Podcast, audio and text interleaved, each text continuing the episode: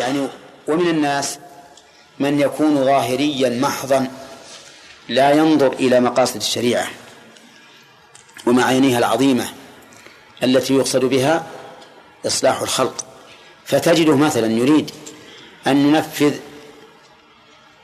شيئا من المسائل التي لا تعتبر ذات شأن كبير في الإسلام وإن فات بذلك مصلحة عظيمة كبيرة. مصلحة عظيمة كبيرة.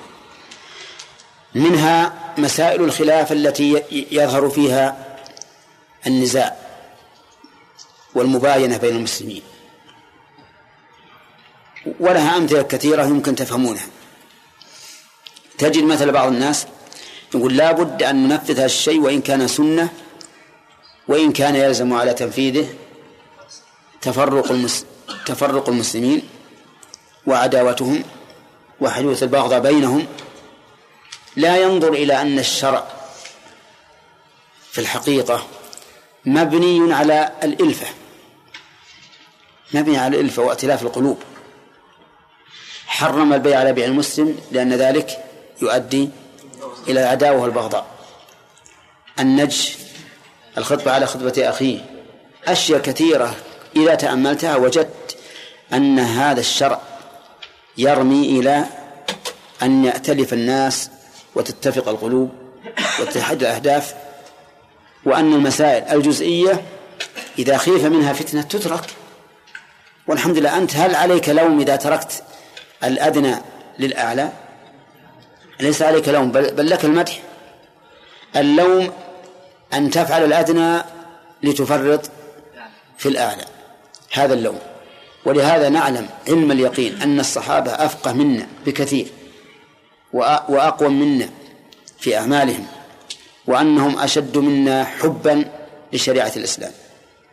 ومع ذلك يتوافق بعضهم مع بعض في أمور لا يرونها لكن من أجل المصلحة وائتلاف الناس واتفاق القلوب ولا يخفى عليكم أن رسول الله صلى الله عليه وسلم امتنع من من هدم الكعبة وبنائها على قواعد إبراهيم مع أن هذا هو الذي يتمناه وهو الذي هم به خوفا من إيش؟ خوفا من الفتنة. خوفا من الفتنة لأن قريشا كانوا حديث عهد بكفر. وكان عليه الصلاة والسلام يترك ما يحب لمصلحة الناس. كان يصوم في السفر ولما قيل للناس قد شق عليهم ماذا فعل ماذا فعل؟ أفطر. أفطر بعد العصر. بعد العصر. ورفع الماء على وهو على بعيره على فخذه وشربه والناس ينظرون. ما قال والله أنا صائم ولا بقي إلا جزء بسيط فبكمل والصحابة رضي الله عنهم في خلافة عثمان بقي رضي الله عنه سبع أو ثمان سنوات في خلافته يقصر الصلاة في منى. كم بقي في الخلافة؟ اثنتا عشرة سنة. بعد مضي أكثر خلافته رأى رضي الله عنه لسبب من الأسباب أن يتم الصلاة فأتم. فبلغ ذلك من بلغ من الصحابة فأنكروا عليه. قالوا كيف أبو الرسول صلى الله عليه وسلم وأبو بكر وعمر وأنت في أول خلافتك؟ تقصر الصلاة ولا أن تتم؟ حتى إن ابن مسعود لما بلغه ذلك استرجع. قال إنا لله وإنا إليه راجعون. كأنه أمر كبير. ومع ذلك يصلون خلفه. يصلون أربعا مع اعتقادهم أنها خلاف السنة. ليش؟ من أجل اتحاد الكلمة وعدم التفرق. ولما سئل ابن مسعود قيل كيف تنكر فعل عثمان وتصلي خلفه أربعا؟ قال الخلاف شر. هذا الفقه والله هذا الفقه هذه الشريعة. أما أن يتفرق الناس ويتخاصمون ولا, ولا, ولا يعاملون بالعدل ويقال قولي هو الحق وقولك خطأ وأنت مخطئ فهذا ليس ليس من طريق الشرع هذا خلاف الشرع وإن زعم من تمسك به أنه على الشرع وأنه هو الذي يستع بالحق وأنه هو المعصوم فإن دعواه هذه هي التي جعلته مخطئا. من ادعى العصمة فأول زلل زل به إيش؟ ادعاه العصمة وأنه هو الصواب وغيره على خطأ. طيب. من فوائد هذه الآية الكريمة أن جميع الرسل متفقون على هذه الكلمة لا نعبد إلا الله ولا نشرك به شيئا. لأن ما دام كلمة سواء بيننا وبينهم معناها أنها عندهم كما هي عندنا. وهذا هو الواقع. أن جميع الرسل متفقون على إيش؟ هذه الكلمة لا نعبد إلا الله ولا نشرك به شيئا. بل إن الله قال في كتابه العظيم وما خلقت الجن والإنس إلا ليعبدون. هل خلق اللي خلقوا من آدم إلى ومن قبل آدم في الجن؟ ما خلقوا إلا لهذا الأمر العظيم لعبادة الله. ما خلقوا ليتمتعوا في الدنيا لينالوا الشهوات لا. ولكن لعبادة الله. ومع هذا إذا عبدوا الله صلحت دنياهم الغريب يعني لكن ابن آدم نظره قاصر الغريب أنه إذا صلح الدين صلحت الدنيا. لكن لا يلزم من صلاح الدنيا صلاح الدين بل إنها ربما إذا اعتني بها أكثر من الدين فسد الدين. كما قال الرسول عليه الصلاة والسلام والله ما الفقر أخشى عليكم وإنما أخشى عليكم أن تفتح عليكم الدنيا فتنافسوها كما تنافسها من قبلكم فتهلككم كما أهلكتهم طيب. من فوائد الآية الكريمة أيضا أن الحكم لله بين الناس وأنه ليس لأحد أن يشرع من دون الله. لقوله ولا يتخذ بعضنا بعضا أربابا من دون الله. من فوائد الآية الكريمة أن الحكم والعبادة مقترنان. الحكم بين الناس والعبادة مقترنان. لأن الله قرن بينهما. لا نعبد ولا يتخذ بعضنا بعضا أربابا من دون الله. لأنك أنت لن تعبد الله إلا بشريعته.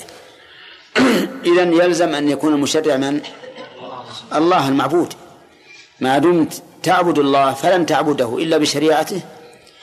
وإذا فالمشرع هو المعبود الذي يعبد. لأنه سن طريقا أو وضع طريقا قال أسلك هذا لتصلوا إليه إذا كل طريق يخالفه فلن يوصل إلى الله. وهذا وجه التلازم بين قوله ألا نعبد ولا يتخذ فإن من اتخذ ربا من دون الله يتبعه في التحليل والتحريم فإنه لم يعبد الله. لأن عبادة الله لا تكون إلا بموافقة الشرع. ومن فوائد الآية الكريمة أن من دعا الناس إلى إلى حل أو حرم لكن بإذن الله وشرعه فهو على حق. تؤخذ منين؟ أه من قوله من دون الله. انتبهوا. ما قال لا يتخذ بعضنا بعضا أربابا وبس. قال من دون الله.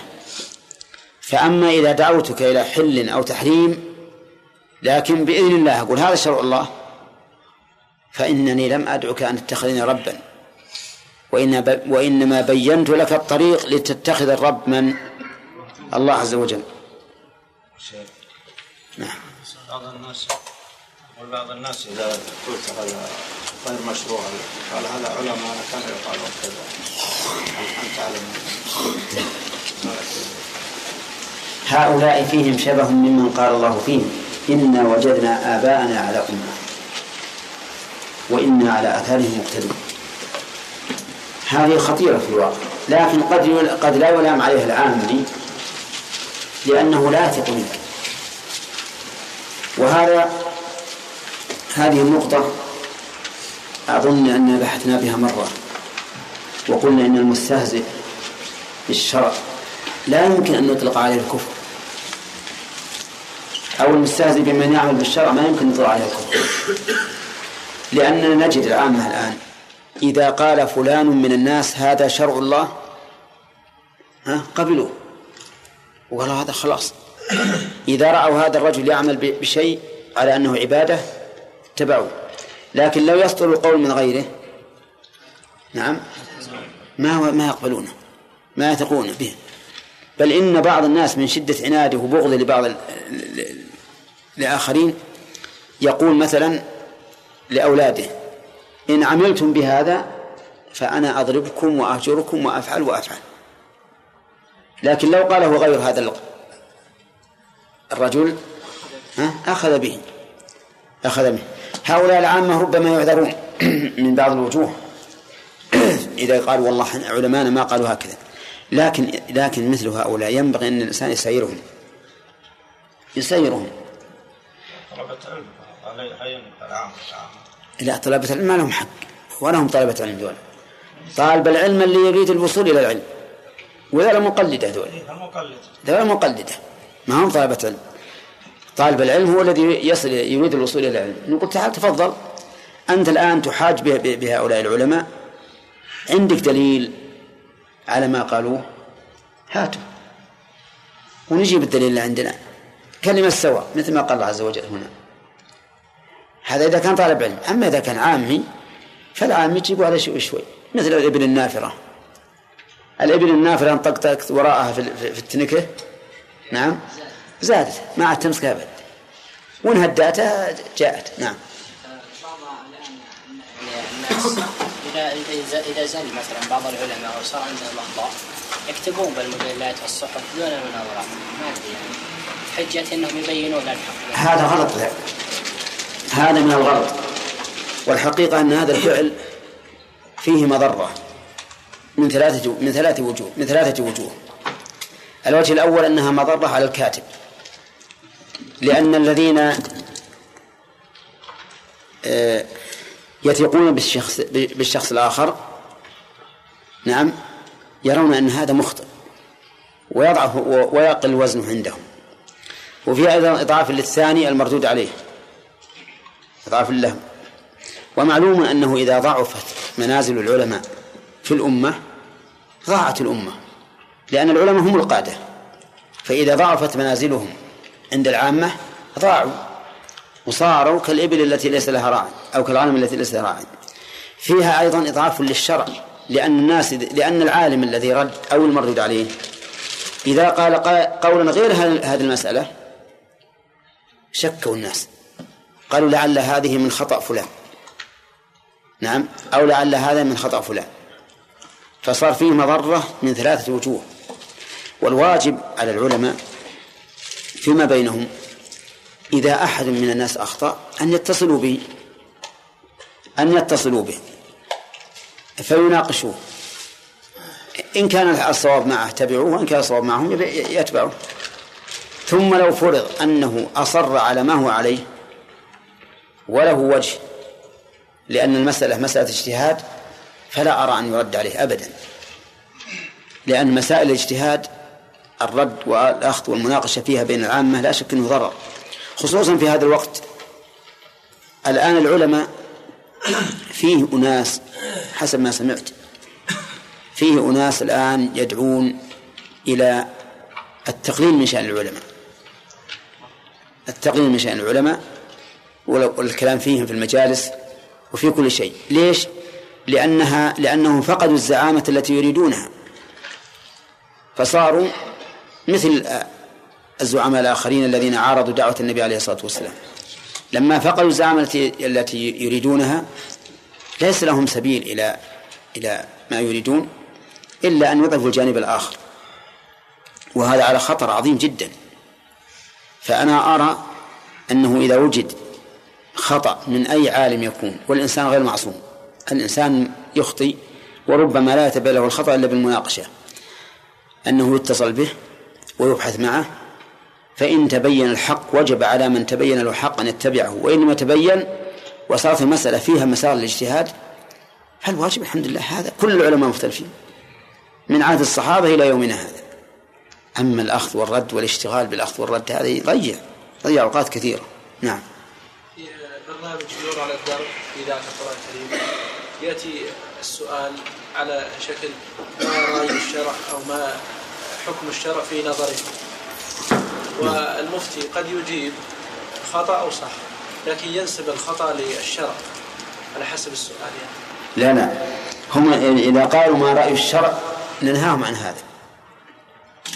أنا أحد الذين يتكلمون في هذا في هذا البرنامج. أنهاهم عن هذا. أقول لا تقول ما رأي الشرع أنا مس لست أعبر عن الشرع أنا برسول معصوم من من الخطأ. قل ما رأيك أو ما رأي الشرع في نظرك. في نظرك. أنا أرى في الشرع أنه يقول كذا وأخطئ وأصيب. وخطأي ليس على الشرع خطأي مني أنا. نعم. يؤخذ من الآية أن الأفضل المناظرة دون الرد الردود الكتابية نعم. هل الأفضل أن هل يؤخذ من الآية أن الأفضل المناظرة الشفهية دون الردود بالكتابات وعلى المنابر؟ أي نقول تعالى هذه ناخذها ما كملنا الآية. وعلى كل حال المسألة المناظرة قد تكون كما قلت يعني وجها لوجه وقد تكون في المراسلة. تختلف على الأساليب هذه ترجع المعنى نعم. أعوذ بالله من الشيطان الرجيم. قل يا أهل الكتاب تعالوا إلى كلمة سواء بيننا وبينكم. ألا نعبد إلا الله ولا نشرك به شيئا. ولا يتخذ بعضنا بعضا أربابا من دون الله. فإن تولوا فقولوا اشهدوا بأننا مسلمون.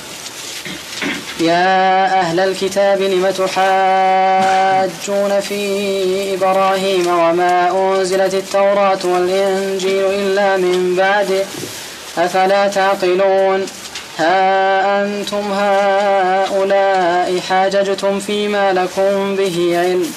فلم تحاجون فيما ليس لكم به علم؟ والله يعلم وأنتم لا تعلمون. ما كان إبراهيم يهوديا ولا نصرانيا ولكن كان حنيفا مسلما وما كان من المشركين. إن أولى الناس بإبراهيم الذين اتبعوه وهذا النبي والذين آمنوا. والله ولي المؤمنين. أعوذ بالله من الشيطان الرجيم. أظن أننا أخذنا الفوائد المستنبطة من قوله تعالى قل يا الكتاب تعالوا إلى كلمة. نعم. أخذنا من سبع فوائد نعم. لا يتخذ بعضنا اربابا من دون الله. استنثى علينا الأولى أمر الرسول عليه الصلاة والسلام أن يدعو أهل الكتاب إلى هذه الكلمة بقوله قل أهل الكتاب. الثانية التنزل مع الخصم بإلزامه بالحق بقوله كلمة سواء بيننا وبينكم. الثالثة وجوب استعمال العدل في المناظرة حتى مع العدو. الرابعة أن جميع الرسل متفقون على هذه الكلمة. الخامسة أن الحكم لله بين الناس وأنه ليس لأحد أن يشرع من دون الله. السادسة الحكم بين الناس والعبادة مقترنان لأن الله تعالى قال لا نعبد ولا يتخذ بعضنا بعضا. السابعة أن من دعا الناس إلى حل إلى حل أو حر إلى حل أو حرم لكن بإذن الله وشرعه فهو على حق. تؤخذ من قوله من دون الله.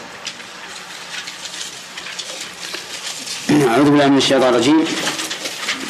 قال الله تعالى فإن تولوا فقولوا اشهدوا بأننا مسلمون. آه، من فوائد هذه الآية أنه إذا تولى الخصم بعد إقامة الحجة عليه فإنه يعلن له بالبراءة منه. والتزام الحق لقوله اشهدوا بأننا مسلمون. ومن فوائدها أنه ينبغي للمسلم أن يعتز بدينه وأن يعلنه ويشهره خلافا للضعفاء الذين عندهم ضعف الشخصية وقلة الدين الذين يتسترون بدينهم مخافة أن يعيروا به. حتى إن بعضهم كما قيل لي يخجل أن يصلي بين الناس.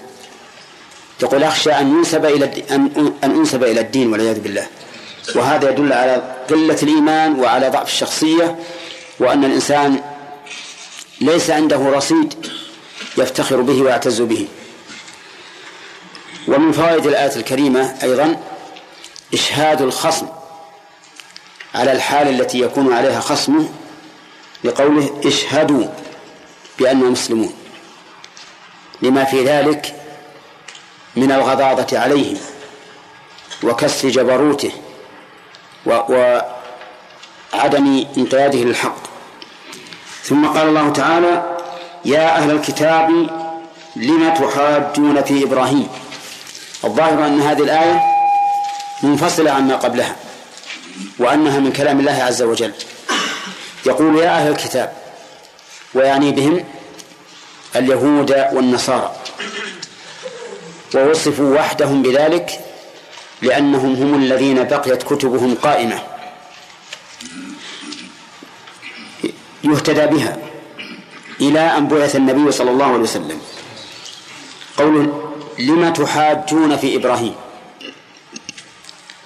الاستفهام هنا للإنكار والتوبيخ. وكلنا يعلم أن قوله لما؟ اسم استفهام مشروع باللام. وما الاستفهامية؟ إذا جرت بالحرف فإنه فإنها تحذف ألفها. لما؟ ما فيها ألف. عما يتساءلون ما فيها ألف. على ما تفعل. هذه أيضا ليس فيها ألف وتغيرت على من أجلها لأن على تكتب ألفها ياء لكنها إذا دخلت على اسم على ما الاستفهامية كتبت ألفها ألفها إيش؟ ألفا على ما مثل علام. طيب. قول لما تحاجون أي تخاصمون؟ وسميت المخاصمة محاجة. لأن كل واحد من المتخاصمين يدلي بحجته يريد أن يخصم صاحبه. وقول ما تحاجون في إبراهيم؟ أي في شأنه وفي حاله وفي دينه. وليس المراد في ذاته لأن إبراهيم عليه الصلاة والسلام بشر متفق عليه ولا محاجة فيه. لكن محاجة في شأنه وحاله. لما تحاجون فيه؟ وما كيفية هذه المحاجة؟ كيفية هذه المحاجة على قولين لأهل العلم؟ القول الأول ادعاؤهم أنهم على ملة إبراهيم. فهم كلهم يقولون نحن على ملة إبراهيم. اليهود يقولون نحن على ملة إبراهيم والنصارى يقولون نحن على ملة إبراهيم. الوجه الثاني وهو القول الثاني يحاجون فيه لأن اليهود يقولون إن إبراهيم يهودي على دين اليهود والنصارى يقولون إن إبراهيم نصراني على دين النصارى. وهذا الوجه عكس الوجه الذي قبله لأن الوجه الذي قبله يدعون هم أنهم على دين إبراهيم. وهذه هذا الوجه يدعون أن إبراهيم على دينه. أن إبراهيم على دينه. وننظر الآن سياق سياق الآية. ما ما ما الذي يؤيد من هذين الوجهين؟ لما تحاجون في إبراهيم؟ وما أنزلت التوراة والإنجيل إلا من بعده. كيف تحاجون فيه؟ وتقولون إن إبراهيم على ديننا أو تقولوا إن إبراهيم إننا نحن على دين إبراهيم. كيف المحاجة؟ وكيف يكون إبراهيم على دينكم وهو والتوراة لم تنزل بعد أيها اليهود؟ وكيف يكون إبراهيم على دينكم والإنجيل لم ينزل بعد أيها النصارى؟ أو تقولون إنكم على دينه وأنتم على على على الإنجيل والإنجيل ليس هو دين إبراهيم. أو على دينه التوراة ليست هي دين إبراهيم. إبراهيم له شرعة خاصة. لكل جعلنا منكم شرعة ومنهاجا. فكيف تحاجون في هذا؟ تدعون أن إبراهيم على التوراة أو على الإنجيل؟ أو تدعون أنكم أن أيها المتمسكون بالتوراة أو المتمسكون بالإنجيل على دين إبراهيم مع أن التوراة والإنجيل لم تنزل إلا من بعده. وهذا عقل ولا هوس؟ هذا هوس. وسخافة كيف يكون إبراهيم على دين على دين كتاب لم ينزل بعد؟ التوراة نزلت على موسى والإنجيل نزل على من؟ على عيسى. وهم بعد إبراهيم بأزمنة كثيرة. فكيف يكون إبراهيم على هذا؟ ولهذا قال أفلا تعقلون؟ والهمزة للتوبيخ استفهام للتوبيخ. يعني أفلا يكون يكون لكم عقول؟ تعقلون بها ما تقولون؟ وهذا فيه غاية اللوم والتوبيخ. أفلا تعقلون؟ تأتي في القرآن كثيرا. وقد مر علينا أن فيها لعلماء النحو قولين. واشميم يبينه يبينهما لنا؟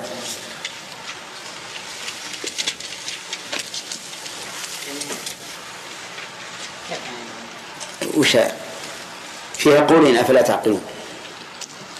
في إعرابها الاستفهام يعني في إعراب ولا؟ ها؟ الاستفهام دخلت على نفي لا.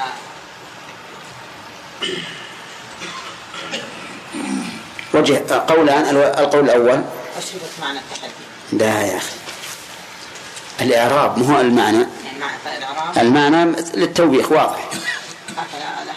است- است- استفهام. طيب. و- فتنبيه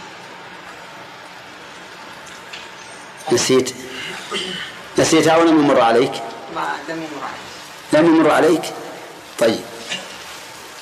نعم يا وليد. أفلا الفاء الألف تقدمت على الفاء وأصلها. الهمزة. الهمزة تقدمت على الفاء وأصلها فألا تعقلون. يعني قول الوجه الأول. الوجه الأول. أصبر الوجه الأول. هات إياه. ما فهمنا شيء الآن. الوجه الأول. نعم. أن الهمزة للاستفهام نعم. وقدمت لأن الاستفهام له الصدارة طيب. وأصل والفاء. والفاء عاطفة. على إيش؟ على ما قبلها. على ما قبلها. نعم. وأصله؟ إذا إما عاطف على لا أصله على هذا الوجه على هذا القول. فألا تعقلون فألا تعقلون طيب. هذا وجه القول الثاني. آه، أن الهمزة آه، أن الهمزة زائدة. آه، وأنها معطوفة على فعل محذوف. يعني أجهلتم فلا تعقلون. مم. وهم زائدة. هذا قول من؟ قول وليد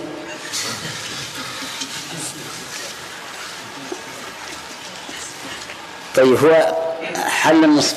نعم يا يحيى. داخلة على جملة ها. لكن الهمزة هو يقول زائدة. لا ليست زي ها إيش هي؟ استفهامية. استفهامية. أي. نعم. لكن لكنها داخلة على جملة محذوفة. التقدير؟ أجهلتم إي. أو أو أغفلتم. إيش؟ أغفلتم. غفلتم لا ما هو ضد العقل؟ الجنون. إي أو السفة. طيب. ثم أفلا تعقلون اذا فيها وجهان. الوجه الأول أن الهمزة للاستفهام والفاء للعطف لكنها قدمت الهمزة للاستفهام عليها لأن لها الصدارة. وعلى هذا فلا حاجة إلى تقدير لأن الجملة تكون معطوفة على الجملة التي قبلها. والوجه الثاني أن الفاء حرف عطف وأن المعطوف محذوف. يقدر بما يناسب السياق. والمناسب هنا أن يقدر أسفهتم مثلا لأن العقل ضد السفه فلا تعقلون. وقول ف... لا تعقلون. المراد بالعقل هنا عقل الرشد وليس عقل الإدراك. لأن هؤلاء عندهم عقل إدراك. والفرق بينهما أن عقل الإدراك مناط التكليف. وعقل الرشد مناط التصرف.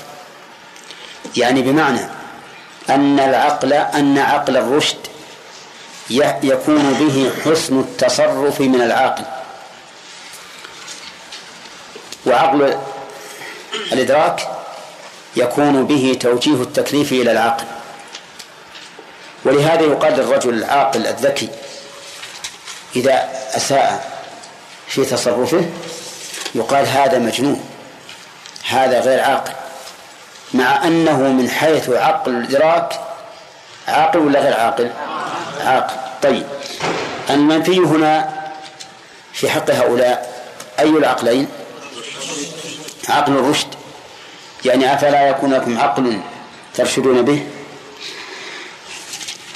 ثم قال تعالى ها أنتم هؤلاء حاججتم فيما لكم به علم. فلم تحاجون فيما ليس لكم به علم. أولا الإعراب في هذه الآية لأن فيها شيء من الإشكال. ها أنتم هؤلاء. ها للتنبيه. وأن ضمير منفصل مبتدأ. وهؤلاء ها للتنبيه. وأولئك منادى. والتقدير ها أنتم يا هؤلاء حاججتم فيما لكم به علم. فلم تحاجون فيما ليس لكم به علم؟ نقول في قوله فلم تحاجون ما قلنا في قوله لم تحاجون من حيث الإعراب. ها أنتم هؤلاء. أولا التنبيه هنا حسن. وذلك لأنه يخاطب قوما لمزهم بعدم العقل والذي ليس عنده عقل ينبغي أن يصدر الخطاب له بما يدل على بما يقتضي تنبيهه لأنه غافل غافل تصرف تصرف مجنون. فاحتيج إلى أن ينبه فلذلك أتى بهاء التنبيه. ثم إن قوله هؤلاء إشارة بعد. ولا قرب؟ هؤلاء إشارة بعد ولا قرب؟ لا لا لا يحتاج إلى اشتباه يا جماعة. الكاف إذا كان للبعد يقرن بالكاف. يقرن بالكاف. وهنا لم يقرن بالكاف. بل قال هؤلاء عرفتم يا جماعة إذا كانت إذا كان اسم المشار نرجع اسم الإشارة الآن بالنحو. إذا كان اسم الإشارة للبعيد أتي بالكاف. ولهذا قال ابن مالك وبهنا لا. ها؟ بالكاف حرف دون لام أو معه. و... نعم. واللام إن قدمتها ممتنعة. بذا وذي وتا وتي أشر إلى دان المكان وبه الكاف صلة في البعد. هذا الشاهد. وبه الكاف صلة في البعد. معناه في القرب لا تصل به الكاف. فإذا كان اسم الإشارة للبعيد فلا بد من الكاف. وإذا كان أبعد يؤتى باللام أيضا. إذا الإشارة المشار إليه قريب.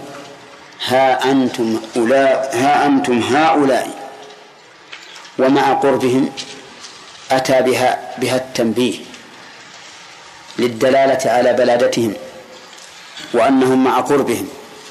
وقرب الإشارة إليهم. على بلادة عظيمة يحتاجون إلى إيش؟ إلى التنبيه.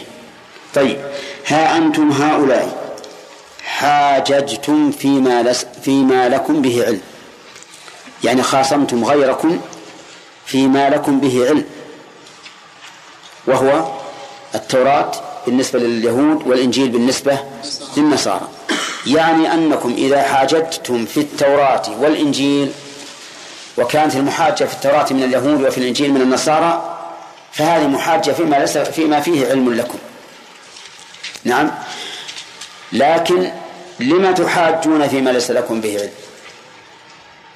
لما تحاجون فيما ليس لكم به علم وهو إبراهيم وما هو عليه من الدين. وقيل المراد بقوله حاججتم فيما لكم به علم أي في الإسلام في دين الإسلام. يعني حاججتم فيه وخاصمتم تقولون ليس على دين إبراهيم. دين إبراهيم دين اليهود والنصارى. وأنتم تعلمون أن الإسلام دين الله الحق. لأن اليهود والنصارى يعلمون أن دين محمد صلى الله عليه وسلم هو دين الحق. قال الله تعالى الذين آتيناهم الكتاب يعرفونه كما يعرفون أبناءهم وإن فريقا منهم لا يكتمون الحق وهم يعلمون. فصار المحاجة الآن في إيش؟ إما في الكتابين وإما في الإسلام في دين الإسلام وما جاء به الرسول عليه الصلاة والسلام. فلم تحاجون فيما ليس لكم به علم؟ والمحاجة التي يراد بها إثبات الباطل وإبطال الحق مذمومة حتى وإن كانت عن علم بل هي عن علم أشد ذما. فكيف تحاجون فيما ليس لكم به علم وهو إبراهيم عليه الصلاة والسلام؟ وهذا نعم. والله يعلم وأنتم لا تعلمون. والله يعلم الأمر على ما هو عليه. في في شأن إبراهيم وفي شأن محمد صلى الله عليه وسلم وفي شأن موسى وعيسى. وأنتم لا تعلمون ما يعلمه الله تعالى من هذا وغيره. ونفي العلم عنهم هنا ليس رفعا للإثم عنهم ولكنه إيذان بجهلهم وجهالتهم وأن تصرفهم كتصرف الجاهل. فهو في الأول قال لا تعقلون. وفي الثاني قال لا تعلمون. فجمعوا بين السفه بين السفه في الرأي والتدبير وبين الجهل في العلم والتصور. ولهذا قال والله يعلم وأنتم لا تعلمون. ثم ذكر الله عز وجل حال إبراهيم ذكرا صادرا عن علم لا عن جهل. فقال ما كان إبراهيم يهوديا ولا نصرانيا يعني ليس على ملتكم أيها اليهود ولا على ملتكم أيها النصارى. عرفتم؟ هذا هذا على وجه على القول على قول من يقول إن محجتهم في إبراهيم أن اليهود يقولون هو منا والنصارى يقولون هو منا فنفى الله ذلك. ما كان إبراهيم يهوديا ولا نصرانيا. وعلى القول الثاني يعني ما كان إبراهيم على ما أنتم عليه من التعصب والتمسك بدينكم وإن كان منسوخا بطل بدين الإسلام ولكن كان حنيفا مسلما. فلو أن إبراهيم كان حيا لاتبع من؟ محمد صلى الله عليه وسلم. ولم يكن كحالكم يبقى على ما هو عليه. من دينه كما بقيتم أنتم. فالآية الآن تحتمل الوجهين بناء على القولين السابقين. أي ما كان إبراهيم يسير سير اليهود فيتعصب ولا يسير سير النصارى فيتعصب. وليس المعنى على القول الثاني أنه ما كان يهوديا أي على دين اليهود أو على دين النصارى بل ما كان على طريقتهم في إيش في التعصب لما هم عليه وإن تبين أن الحق في خلافه ولكن كان حنيفا مسلما عليه الصلاة والسلام. كان حنيفا أي مائلا عن الشرك لأن الحنف في الأصل الميل فهو مائل عن الشرك. مثبت للتوحيد ولهذا قال مسلما فهو جامع عليه الصلاة والسلام بين البراءة من الشرك براءة كاملة وبين تحقيق الإسلام تحقيقا كاملا ولهذا قال مسلما. وهنا إشكال في في الإعراب في قول حنيفا مسلما كيف نعربها؟ يعني ولا كان كان هو حنيفا يعني خبر كان. مسلما. مسلما آه، خبر ثاني. ثاني يجوز تعدل الخبر؟ يجوز إيه. عبد الرحمن. يكون مع يكون معطوفا على حرف حرف ليس موجود الحرف حرف مقدر. كان حنيفا وكان مسلما. هو مسلم. نعم. يكون حال شيخ. حال مين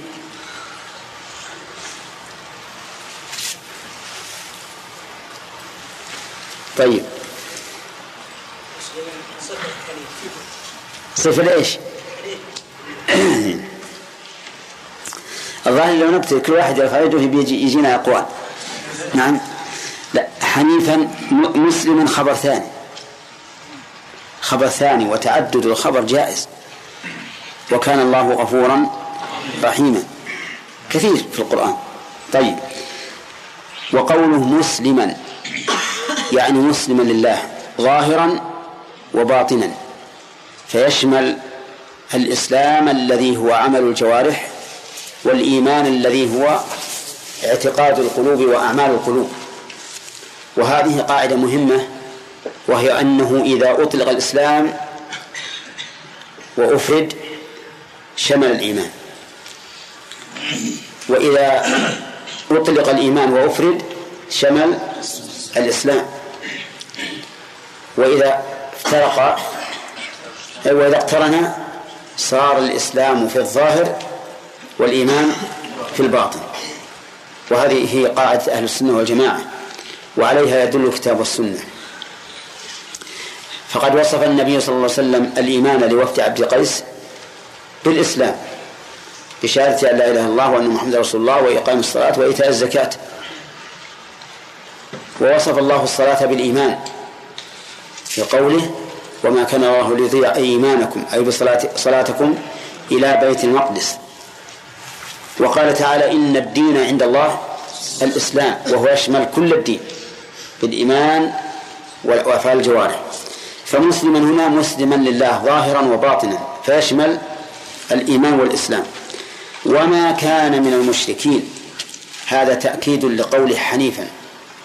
يعني هذه الجملة وإن كانت معطوفة بالواو لكنها في المعنى مؤكدة لما سبق. يعني ما كان من الذين يشركون بالله.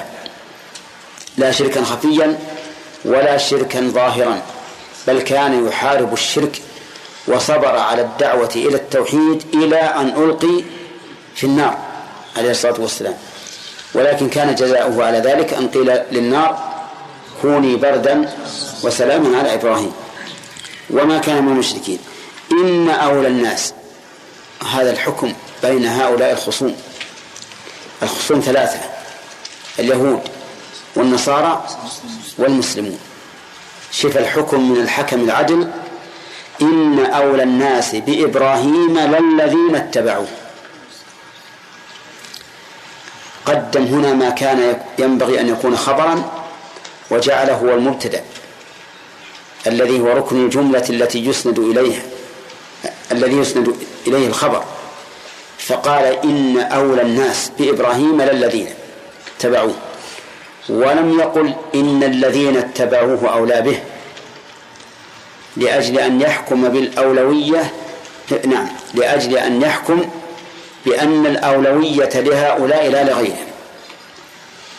أولى الناس من اليهود والنصارى والمشركين وأصحاب الأوثان وغيرهم من؟ للذين اتبعوه. وهنا نسأل آدم عن اللام في قوله للذين. وشاربها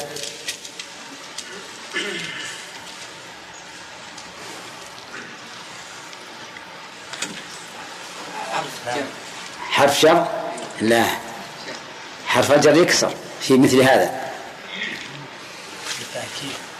للتوكيد. أي نعم. للتوكيد. وإن أيضا للتوكيد فتكون جملة مؤكدة بمؤكدين بإن واللا. قال للذين اتبعوه وهذا النبي والذين آمنوا. للذين اتبعوه من بني إسرائيل ممن سبق النبي صلى الله عليه وسلم. ولا شك أنه تبعه كثير من المؤمنين الذين آمنوا به في حياته والذين اتبعوا طريقته بعد مماته.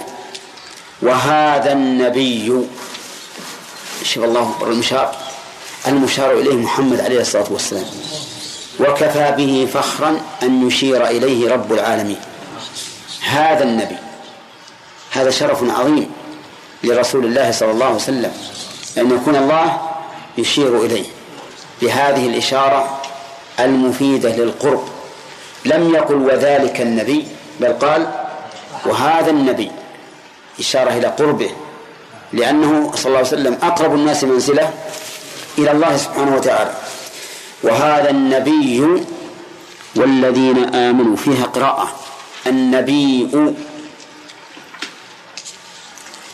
كذا. على هذه القراءة النبي مشتق من النبأ فهو فعيل. بمعنى فاعل وبمعنى مفعول. صح؟ بمعنى فاعل لأنه منبئ مخبر. وبمعنى فعيل لأنه مخبر. ولهذا قال ابن مسعود رضي الله عنه وهو الصادق في وصف الرسول وهو الصادق المصدوق. فهو فعيل بمعنى فاعل وفعيل بمعنى مفعل. ويبقى عندنا كيف يكون فعيل بمعنى مفعل؟ فعيل بمعنى أنا قلت بمعنى فاعل. ها؟ بمعنى مفعول. وفعيل بمعنى مفعل. طيب. فعيل بمعنى مفعول كثير. مثل جريح كثير قتيل كثير. طيب. لكن فعيل بمعنى مفعل. كيف ذلك؟ نقول نعم هذا ورد. هذا الآن اللي معنا دليل على هذا. الآن من المعلوم أن الرسول منبئ للناس. أليس كذلك؟ فهي جاءت في القرآن والقرآن حجة. وإذا أردت أن نأتي بحجة أن نأتي بحجة من كلام العرب فاسمع إلى قول الشاعر أمن ريحانة الداعي السميع؟ يؤرقني وأصحابي هجوع أمن ريحانة الداعي السميع السميع بمعنى المسمع يؤرقني وأصحابي هجوع فهذه سميع بمعنى مسمع في لغة العرب. على أننا في الحقيقة لا نحتاج إلى استشهاد للقرآن لإثبات أن هذا لغة. بل القرآن يستشهد به ولا يستشهد عليه. لكن من المعلوم أنه كلما زادت البينات ازداد الإنسان إيش؟ طمأنينة. طيب إذا على قراءة النبي يجوز نقرأ بها؟ ها؟ يجوز. بل يستحب أن نقرأ بها. يستحب أن نقرأ بها أحيانا. على هذه القراءة من النبأ. أما على قراءة النبي بدون همز ففيها وجهان. الوجه الأول أنها مسهلة من النبي بالهمز. مسهلة. يعني أن الهمزة جعلت ياء ياء إيش؟ للتسهيل. وهذا موجود في اللغة العربية. أئمة يقال فيها في اللغة العربية أئمة. تسهل الهمزة. تجعل ياء فالنبي النبي يقول هذه أصلا النبي لكن جعلت الهمزة ياء إيش؟ للتخفيف. وعلى هذا الوجه يكون النبي النبي منين؟ ها؟ من النبأ. طيب. وقيل إن الياء أصلية لا مسهلة. النبي. وعلى هذا فيكون مشتقا من النبوة من النبوة. وهي الشيء المرتفع الناتي. يقال نبى ينبو يعني ارتفع. فيكون مشتق من النبوة وهي الارتفاع وذلك لارتفاع مرتبة النبي. لارتفاع مرتبة النبي. لأن الرسل صلى الله عليه وسلم ومنهم خاتمهم محمد صلى الله عليه وسلم أرفع الناس قدرا عند الله.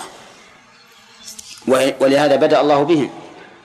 في صدر من أنعم في صدر من أنعم عليهم. فأولئك مع الذين أنعم الله عليهم من النبيين. طيب لو قال قائل اجعلوها من الأمرين. اجعلوها من الأمرين. من النبأ ومن النبوة. ماذا نقول له؟ نقول يمكن؟ يمكن. يمكن لأن القول الراجح أنه إذا احتمل اللفظ معنيين معنيين بدون تضاد حمل عليهما لأن ذلك أوسع في المعنى. أما مع التضاد فإنه إيش؟ ينظر للراجح. ويحمل عليه. لكن مع إمكان الجمع يجب أن يحمل على المعنيين جميعا. فإذا قال قائل هذا استعمال للمشترك في معنيين تعرفون اللفظ المشترك؟ ها؟ اللفظ المشترك ما تعد ما اتحد لفظه وتعدد معناه. كالعين. العين تقال للباصرة. عينك اللي في وجهك عين وتقال للعين الجارية. إيش هي؟ عين الماء. وتقال للعين لا الجاسوس ما هي حقيقة. وتقال للعين الذهب. عين وورق. نعم. ولهذا يقال عين مورودة وعين منقودة. العين المنقودة الذهب والمورودة الماء. ونقول عين مكحولة. ها؟ إي نعم يمكن. العين المكحولة هي العين اللي في الوجه. يقول بعض العلماء إن المشترك لا يمكن أن يحمل على معنيين لأن كل معنى منهما يضاد الآخر. ولكن الصحيح الذي عليه أكثر أهل العلم أنه يجوز أن يحمل على معنيه بشرط. إيش؟ ها؟ عدم التعارض. فإن تعارض وجب طلب المرجح. نعم. نعم. الآيات ما تأييد أنهم أنهم يقولون نحن على التبعين قولنا إيه ما كملنا الآيات الحقيقة ودي نخلي الأربع آيات هذه كلها نتكلم عليها جميعا في فوائدها نعم. أحسن الله عليك. قول القول الثاني. في ما كان إبراهيم يهوديا يعني ما كان متعصبا كما أنتم متعصبون أي يعني ما كان على طريق اليهود والنصارى كيف يعني ما كان متعصبا؟ يعني ما كان على طريقكم يعني إن كنتم صادقين أنكم على طريق موسى أو إبراهيم أو أن إبراهيم على طريقكم فاتبعوا محمدا بس قولهم أنه متعصب؟ يعني مثلا الآن الذي يتعصب الذي يأخذ بمذهب قوم ما هو بينسب إليهم بلى كذا ولا لا؟ إذا هؤلاء اليهود متعصبون لدينهم والنصارى متعصبون لدينهم. إبراهيم ما نقول إنك يهودي متعصب أو نصراني متعصب. إبراهيم عليه الصلاة والسلام مسلم لله. ما هو يتعصب ليهودية ولا نصرانية. بس قلنا إنه لو كان أتى إلى وقت الرسول صلى الله عليه وسلم لا أسلم. أي معلوم. هو مسلم أصلا كيف يسلم؟ إن هذا اللي جل إقامة الحجة على هؤلاء اليهود والنصارى. يعني أسلم معنى ترك شريعته واتبع شريعته. أي نعم. يترك شريعته ويتبع محمد. أي نعم. نعم. قوله من زاد التوراة من بعده. لا تؤيد القول الثاني يعني بزعمكم أنكم أنتم على دين وليس هو على دين هو تحتمل تحتمل حتى على ذلك. يعني التوراة والإنجيل ما حدثت إلا بعد موته. إيه، وكذلك. هذا اللي يقولون إن نحن على طريقة م- م- إبراهيم. وإبراهيم يعني يقولون يتعصب ما ما يذهب عن دينه. هذا هذا معنى قولهم نعم على طريقته. كيف يعني تعبد إبراهيم؟ معهم وهم يعني هم يقولون ما هي عبادتهم الخاصة؟ يعني طريقتهم. يعني على طريقتهم. نعم. قال ها أنتم حاجزتم فيما لكم بيع فلما تحاجون فيما ليس لكم نعم. فمع انهم في كلا المسألتين عندهم علم ولكن في الأولى يعني لا. توضح لا. في قضية إبراهيم عليه الصلاة والسلام ما عندهم علم لأن اللي يقول عن إبراهيم إنه على طريق اليهود والنصارى أو على دين اليهود والنصارى ما عنده علم بذلك. فهو جاهل سواء قاله بجهل مركب أو بجهل بسيط. لو علم حقيقة إبراهيم عليه الصلاة والسلام لعرف أنه كان حنيفا مسلما. بعضهم كان يتابع يعني يعلم إن هذا ربما بعضهم ربما بعضهم أنه يكابر. نعم. جزاك الله خير. شيخ آه، قلت لو كان آه، إبراهيم عليه الصلاة والسلام عايش آه، ترك دينه وتبع محمد. نعم. أليس دينه هو نفس دين محمد؟ يختلف في المنهاج. أصل دين الأنبياء كلهم واحد التوحيد أصول الدين كلهم واحد الأنبياء لكن الله قال لكل جعلنا منكم شرعة ومنهاجا. وتولناها في أثناء الدرس. لكن لعلك أعوذ بالله من الشيطان الرجيم. نكمل الكلام على آخر الآية الكريمة. وهذا النبي والذين آمنوا. والله ولي المؤمنين. قوله وهذا النبي معطوف على قوله للذين اتبعوه. فهو في محل رفع بل هو مرفوع النبي بدل من اسم الإشارة. واسم الإشارة كما نعلم مبني على السكون. قال والذين آمنوا. آمنوا بمن؟ آمنوا بهذا النبي. والإيمان بالنبي صلى الله عليه وسلم يتضمن الإيمان بكل شريعته. وهذا الإيمان أيضا يستلزم القبول وإيش؟ والإذعان أن يقبل ما جاء به النبي صلى الله عليه وسلم وأن يذعن له. ثم قال والله ولي المؤمنين. ولي كل مؤمن. هؤلاء وغيرهم. كل مؤمن. فالله سبحانه وتعالى وليهم كما كما في قوله تعالى الله ولي الذين آمنوا. يخرجهم من الظلمات إلى النور والذين كفروا أولياءهم الطاغوت يخرجونهم من النور إلى الظلمات. وهذه الولاية ولاية خاصة تقتضي أن ييسر المؤمن لليسرى ويجنب العسرى. وهناك ولاية عامة شاملة لكل أحد. فالله تعالى ولي كل أحد.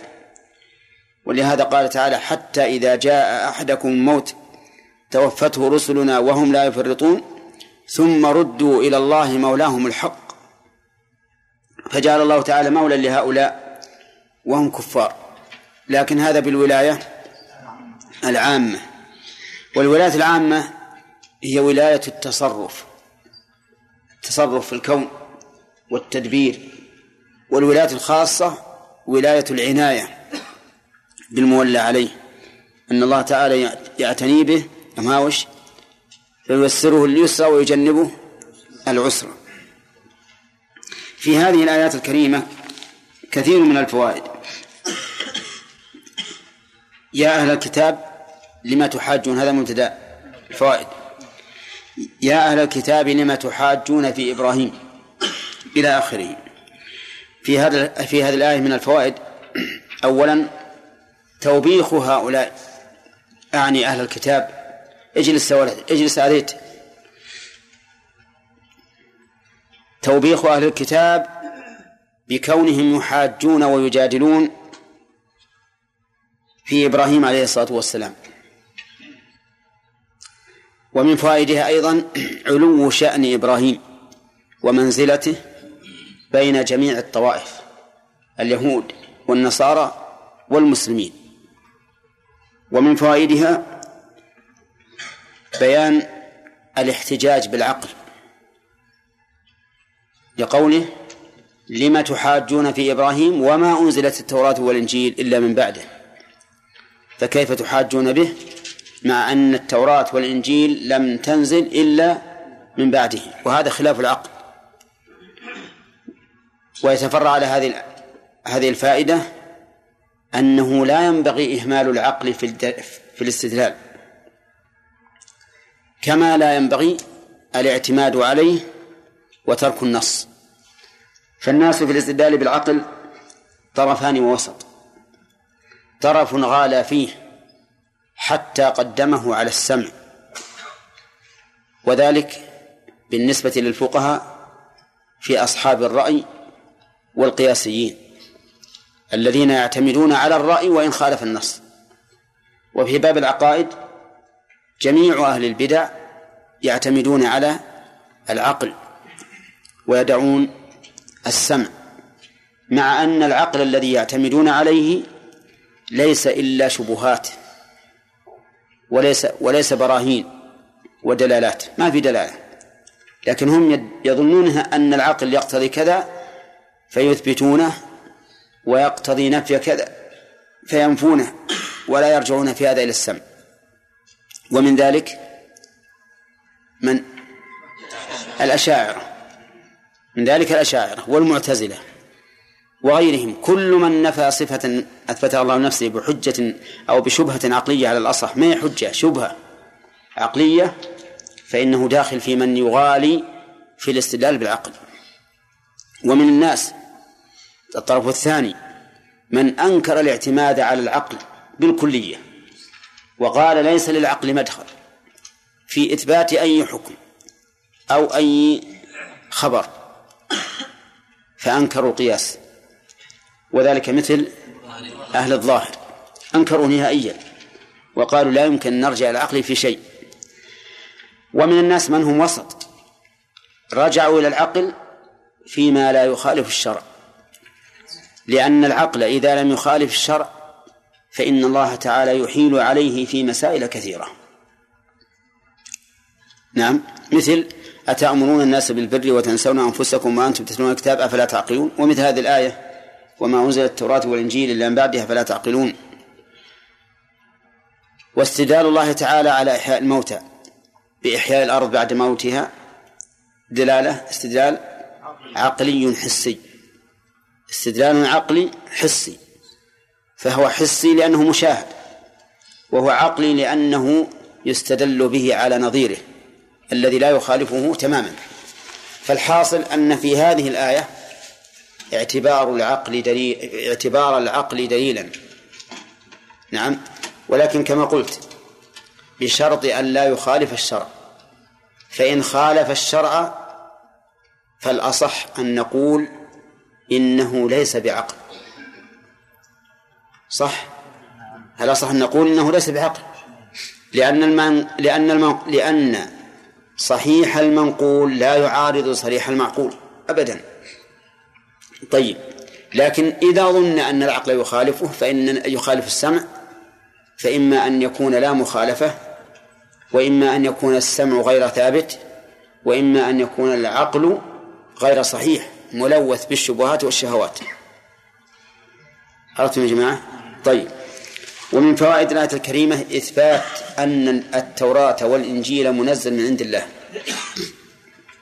لقوله وما أنزلت التوراة والإنجيل إلا من بعده. فإن قال قائل كيف تستدلون بهذه الآية على أن التوراة والإنجيل منزل من عند الله؟ مع أن الفعل يا أخ اسمك؟ ناظم. ناظم. طيب. مع أن الفعل هنا وما أنزلت التوراة. يعني كيف يستقيم الاستدلال بهذه الآية على أن التوراة والإنجيل من عند الله نازل من عند الله؟ مع أن الفعل كمل. وأنزل التوراة والإنجيل أي. إلا من بعد. نعم يعني الفعل مبني المجهول. كذا. طيب ما الجواب على هذا؟ العلم به من أين علمت به؟ نعم من أين علمت به؟ يعني نعم. يعني المخاطب هو الله عز وجل المتكلم هو الله. يا الكتاب لا أحد يتكلم. ها. والنزول يجي من العلو والع- والعلو ما ما في إلا في الله تبارك وتعالى. في الله تبارك. ما هو هذا؟ لا ما هو هذا. يقول القرآن يفسر بعضه بعضا نعم. قوله تعالى إنا أنزلنا التوراة والإنجيل فيها هدى ونور. القرآن يفسر بعضه بعضا صحيح. وفي هذه السورة نفسها في أولها وأنزل التوراة والإنجيل. في نفس السورة. إذن فالمنزل للتوراة والإنجيل هو الله. وحينئذ نقول بني الفعل للمجهول للعلم بالمنزل وهو الله. فإذا قيل من أين علمت أنه المنزل؟ قلنا من نفس السورة. في أولها وأنزل التوراة والإنجيل هدى للناس. وهذا نظير قوله تعالى وخلق الإنسان ضعيفا. من الخالق؟ الله. لكن حدث للعلم به للعلم به. ولكن لما كان الضعف صفة نقص بني الفعل هنا للمجهول. كما بني للمجهول في قوله وأنا لا ندري أشر أريد بمن في الأرض أم أراد بهم ربهم رشدا.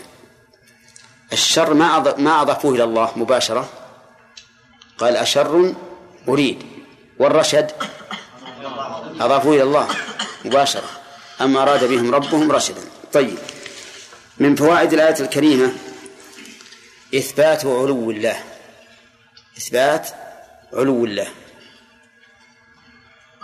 لأن النزول إذا ثبت الآن أن الإنزال من عند الله فالنزول لا يكون إلا من أعلى. طيب. هل يمكن أن نستفيد من هذه الآية أن أن كلام الله متعلق بمشيئته؟ نعم. كيف؟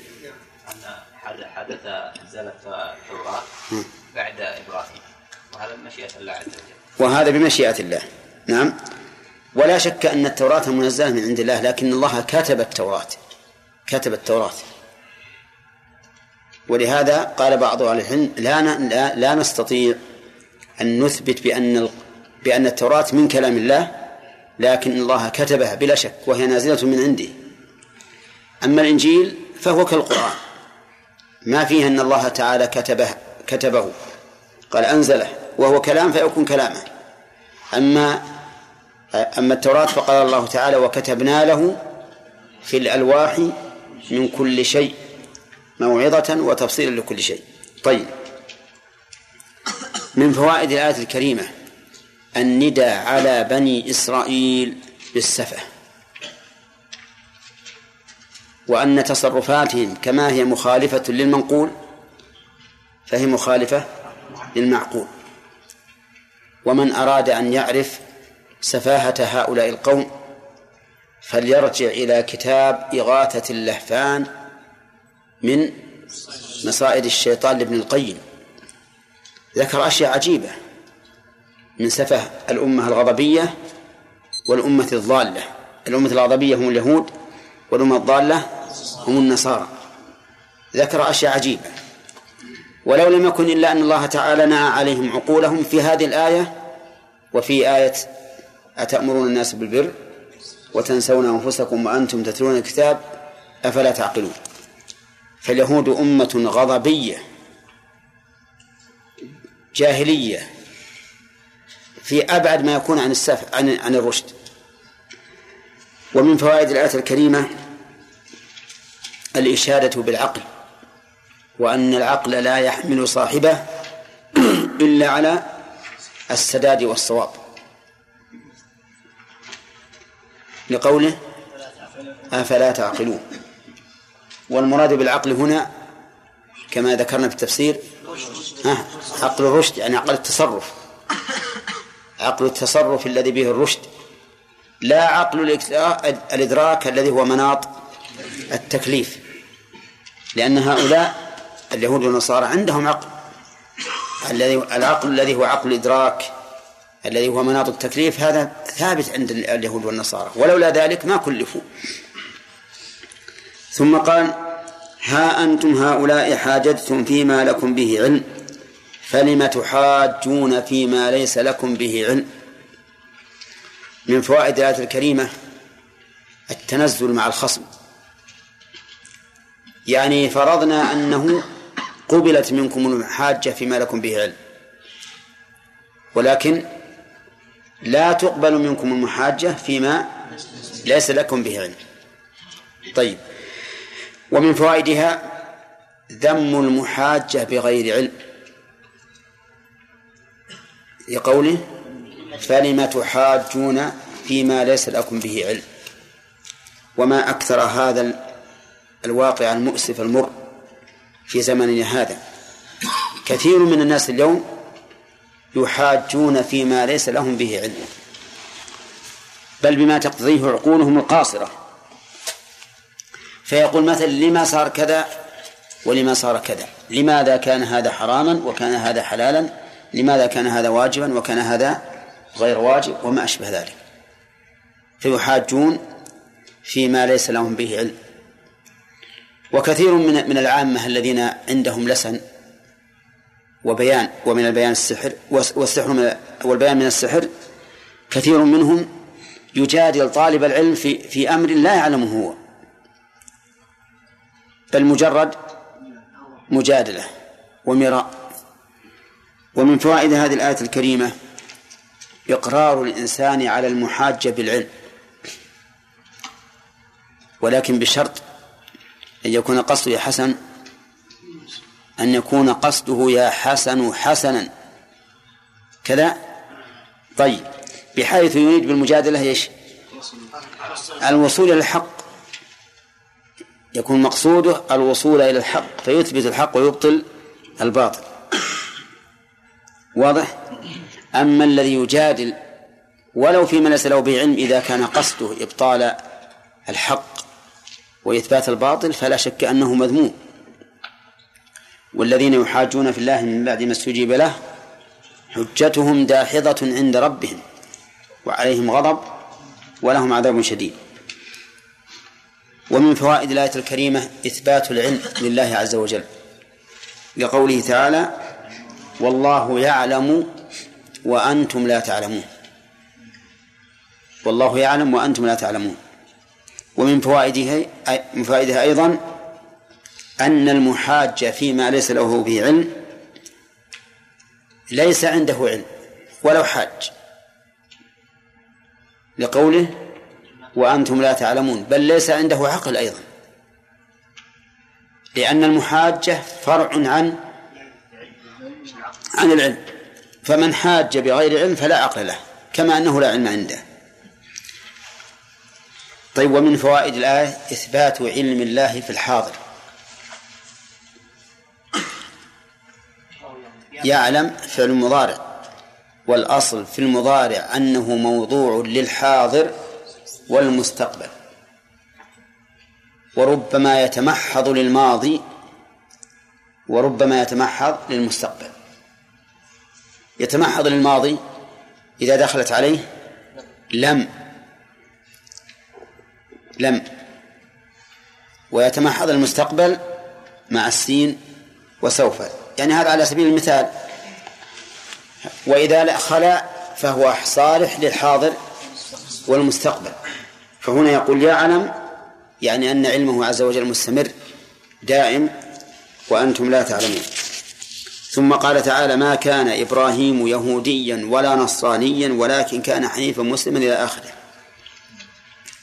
من فوائد هذه الآية الكريمة تبرئة إبراهيم من دين اليهود والنصارى أو من طريق اليهود والنصارى. كذا؟ لأن ذكرنا أن الآية لها معنى فيها قولها. فإبراهيم عليه الصلاة والسلام لا ليس يتدين بدين اليهود لأن دين اليهود من بعده ولا بدين النصارى لأن دين النصارى من بعده كذلك أيضا إبراهيم عليه الصلاة والسلام ليس كالنصارى واليهود يتعصبون لما هم عليه بحق أو بباطل بل كان حنيفا مسلما منقادا لأمر الله يأتمر بأمر الله وينتهي بنهي الله. ومن فوائد الآية الكريمة أنه ينبغي لمن لم يتصف بوصف أن يبين براءته براءته منه. ولو كان هذا الوصف في أصله محمودا. لكن إذا كان لم يتصف به فالواجب أن يبين لأن الله نفى أن يكون إبراهيم يهوديا ولا نصرانيا مع أن اليهودية والنصرانية بعد بعثة موسى بالنسبة لليهودية وبعثة عيسى بالنسبة للنصرانية كانت حقا.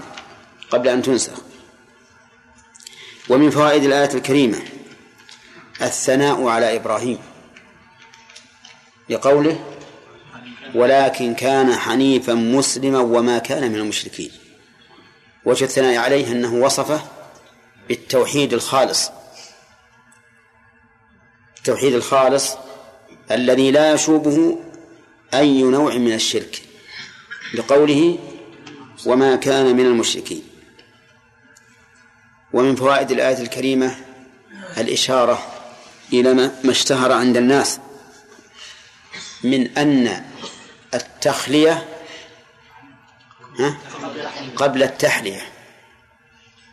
يعني البداءة بالنفي قبل الإثبات. البداءة بالنفي قبل الإثبات لأن النفي تخلية والإثبات تحلية يعني إثبات. فهنا بدأ بالنفي وهو ما كان إبراهيم يهوديا ولا نصرانيا ثم أثبت في قوله ولكن كان حنيفا مسلما. والظاهر أن هذا الترتيب موافق للطبيعة. لأنك تخلي الشيء مما يشينه أولا ثم تضيف إليه ما يزينه. أنت عندما تريد أن تنظف ثوبا وسخا ماذا تصنع؟ أزيل الوسخ أولا. أزيل الوسخ أولا. ثم أضيف ما يكون به الكمال.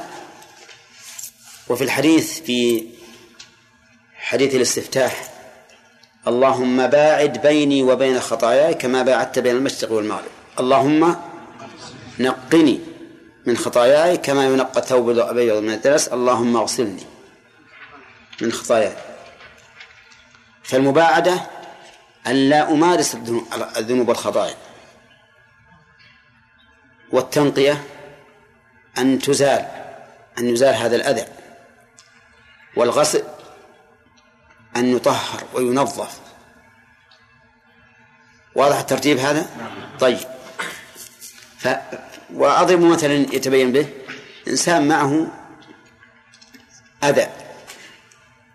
يريد أن يضعه على بساط الصلاة فأقول لا تضعه هذه مباعدة. أليس كذلك؟ مباعد ما ما ما يضعه. آخر جاء به فوضعه فقلت انزعه. هذه تنقية. المرتبة الثالثة لما نزعه قد يكون في في مكانه أثر. أقول ها؟ اغسل أقول اغسل طيب. ومن فوائد الآية الكريمة أنه لا بد في التوحيد من شيئين نفي وإثبات. النفي في قوله ولكن كان حنيفا. والإثبات في قوله مسلما. لأن الحنيف هو المائل عن الشرك. وعن كل دين يخالف الإسلام. والإسلام هو إثبات الاستسلام لله عز وجل وأكد ذلك بقوله وما كان من المشركين التوحيد لا يتم إلا بإثبات ونفي والعلة ظاهرة تعليل ظاهر جدا لأن النفي انتبهوا النفي تعطيل والإثبات بدون نفي لا يمنع المشاركة. الإثبات بدون نفي لا يمنع المشاركة. والجمع بينهما إثبات مع نفي المشاركة. واضح يا جماعة؟ طيب نضرب مثلا. إذا قلت ليس هنا أحد قائم هذا نفي. فيه إثبات ولا ما فيه؟ طيب هل في أحد قائم الآن؟ ليس هنا أحد قائم. هذا تعطيل. يعني صفة القيام الآن معطلة ما لم يتصف بأحد. واضح؟ طيب إذا قلت زيد قائم هذا إثبات أن زيدا قائم. فأثبتت القيام الآن لواحد من الناس. لكن هل هذه العبارة تمنع أن يكون غير زيد قائما؟ ما تمنع. قد يكون فيه واحد آخر غير زيد قائم. ولهذا إذا قلت أنا زيد قائم فقلت أنت وعمر قائم. هل يعتبر قولك هذا ردا على كلامي؟ ها؟ أو إضافة إلى كلام إضافة إلى كلام طيب. فإذا قلت لا قائم إلا زيد هذا فيه نفي وإثبات. حينئذ حصل التوحيد. صار المتفرد بالقيام من؟ هو زيد. فتبين لا توحيد إلا بنفي إلا بنفي وإثبات. ولهذا هنا قال سبحانه وتعالى عن, عن وصف إبراهيم ولكن كان حنيفا مسلما وما كان من المشركين. ومن فوائد الآية الكريمة أن الإسلام إذا أطلق دخل فيه الإيمان أو إذا أفرد دخل فيه الإيمان. وجهه أن الله وصف إبراهيم بالإسلام وهو كذلك. فالإسلام إذا أفرد دخل فيه الإيمان والإيمان إذا أفرد دخل فيه الإسلام. وإذا اقترن افترق صار الإسلام علانية والإيمان في القلب. واضح يا جماعة؟ طيب في حديث جبريل اجتمع فافترق ولهذا فسر النبي صلى الله عليه وسلم الإسلام بشيء وفسر الإيمان بشيء آخر. طيب في قوله تعالى قالت الأعراب آمنا قل لم تؤمنوا ولكن قولوا أسلمنا. ها. اجتمع فافترق. فصار الإيمان الذي ادعوه غير الإسلام الذي أثبته الله لهم ولكن قولوا أسلمنا. طيب.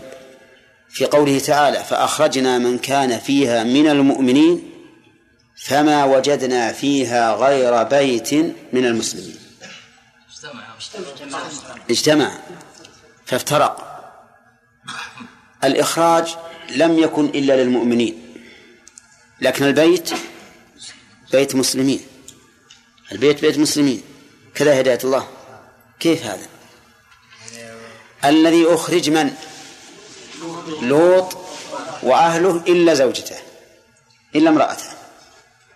فصار الذين أخرجوا هم المؤمنين الخلص. البيت يشتمل على أهله الذين آمنوا إيمانا خالصا وعلى امرأته التي خانته فهي مسلمة وليست مؤمنة. مسلمة وليست مؤمنة. إذن البيت كله باعتبار الكل مسلم. ولهذا قال فما وجدنا فيها غير بيت من المسلمين. وأما من زعم أن الإسلام هو الإيمان واستدل بالآية فقد أبعد النجعة. للفرق بين التعبيرين فأخرجنا من كان فيها من المؤمنين ولم يقل من المسلمين قال من المؤمنين فما وجدنا فيها غير بيت من المسلمين. طيب إذا الإسلام هنا الذي في الآية الكريمة ولكن كان حنيفا مسلما؟ يشمل الإيمان ولا لا؟ لماذا؟ لأنه أفرد لأنه أفرد. ومن فوائد الآية الكريمة الثناء على إبراهيم عليه الصلاة والسلام بأنه لم يكن فيه صفة من صفات المشركين. ولهذا قال لم يكن من المشركين ولم يقل ولم يكن مشركا. فليس فيه صفة من صفات المشركين أبدا. لا الشرك ولا غيرها. وهكذا ينبغي لكل مؤمن أن لا يتصف بأي صفة من صفات المشركين. فمثلا من صفات المشركين الشرك واضح. من صفات المشركين كراهتهم للتوحيد. ولا؟ ها؟ المشركون يكرهون التوحيد؟ ها؟ نعم وينكرونه. ويقول أجعل الآلهة إله واحدا. فمن كره التوحيد وإن لم يكن مشركا ففيه من صفات المشركين. بل قد يكون كافرا. طيب. ثم قال عز وجل إن أولى الناس بإبراهيم للذين اتبعوه وهذا النبي والذين آمنوا والله ولي المؤمنين.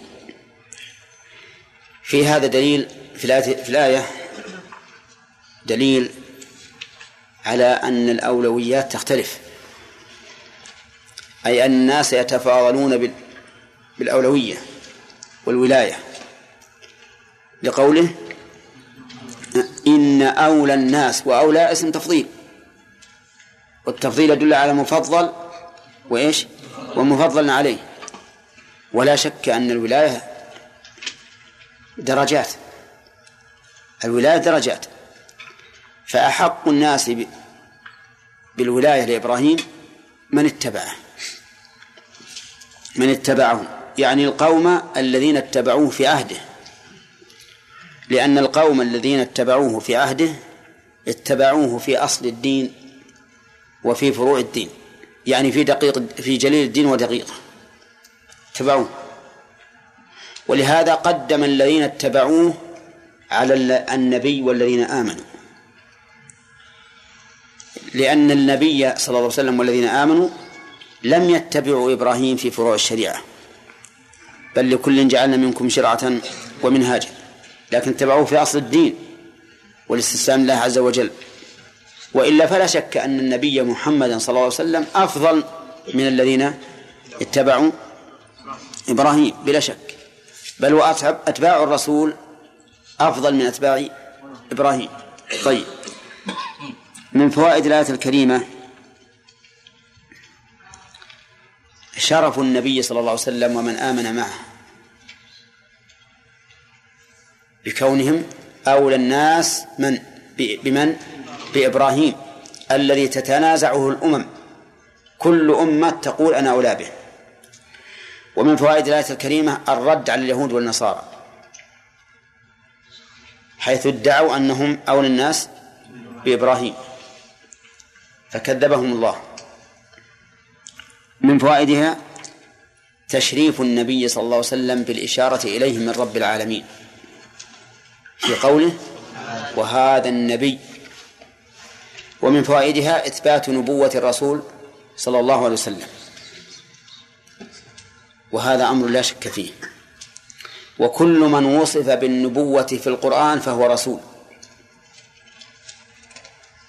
كل من وصف بالنبوة فهو رسول. قال الله تعالى إنا أوحينا إليك كما أوحينا إلى نوح والنبيين من بعده ثم قال في هؤلاء النبيين رسلا مبشرين ومنذرين. إذن فكل من وصف بالنبوة في القرآن فإنه رسول بدليل آية النساء رسل مبشرين. طيب و من فوائد الآية الكريمة إثبات ولاية الله للمؤمنين في قوله والله ولي المؤمنين. وهذه الولاية كما قلنا آنفا ولاية خاصة تقتضي عناية تامة. وكل من وكل من كان أكمل إيمانا فولاية الله له أكمل. طيب. كل من كان أكمل إيمانا فولاية الله له أكمل. هذه آه، فائدة. من أين أخذناها؟ من قاعدة معروفة عند أهل العلم وهي أن الحكم المعلق المعلق, المعلق بوصف. يزداد قوة بقوة هذا الوصف فيه. هذه قاعدة مفيدة. كل حكم معلق بوصف فإن هذا الحكم يزداد قوة بإيش؟ بقوة الوصف الذي علق عليه الحكم. فإذا قلت مثلا أنا أحب الصالحين معناه كل من كان أصلح ها؟ فهو أحب إلي لأن المحبة علقت بالصلاح. فكلما ازداد الصلاح إيش؟ ازداد المحبة. والله ولي المؤمنين علقت الولاية بالإيمان. فكل من كا فكلما كان الإنسان أقوى إيمانا كانت ولاية الله له أتم وأخص. ويتفرع على هذه الفائدة أنه ينبغي للإنسان أن يحقق إيمانه ويكمله بقدر استطاعته. من أجل أن ينال إيه؟ ولاية الله. لأن كل كل إنسان في الحقيقة عاقل يسعى إلى أن يكون الله له وليا. نقول الأمر سهل. حقق الإيمان يكن الله لك وليا. وكلما ازداد تحقيقك الإيمان ازدادت ولاية الله لك. وإلا فكلنا يطلب ذلك ونسأل الله أن يجعلنا وإياكم من أوليائه. كلنا يطلب هذا. لكن بس حقق الإيمان. حقق الإيمان. من أحب في الله وأبغض في الله ووالى في الله وعاد في الله فإنما تنال ولاية الله بذلك. هذه من أسباب الولاية أن يكون حبك وبغضك وكراهتك وعداوتك وولايتك لله عز وجل لا للدنيا. ومن فوائد الآية الكريمة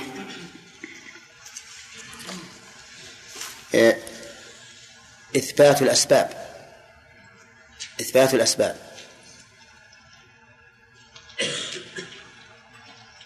من أين أخذ؟ والله هو المؤمن. وجه وجه ذلك أن الإيمان جعل الله سببا لولاية الله. ولا شك أن الأسباب ثابتة. الأسباب ثابتة. والأسباب شرعية وعقل وعقلية وحسية. فالأسباب الشرعية ما جعلها الله تعالى سببا في القرآن. فمثلا الإيمان سبب لدخول الجنة. هذا سبب شرعي. ولا لا؟ طيب. دخول الوقت سبب لوجوب الصلاة. هذا سبب شرعي. العسل سبب للشفاء.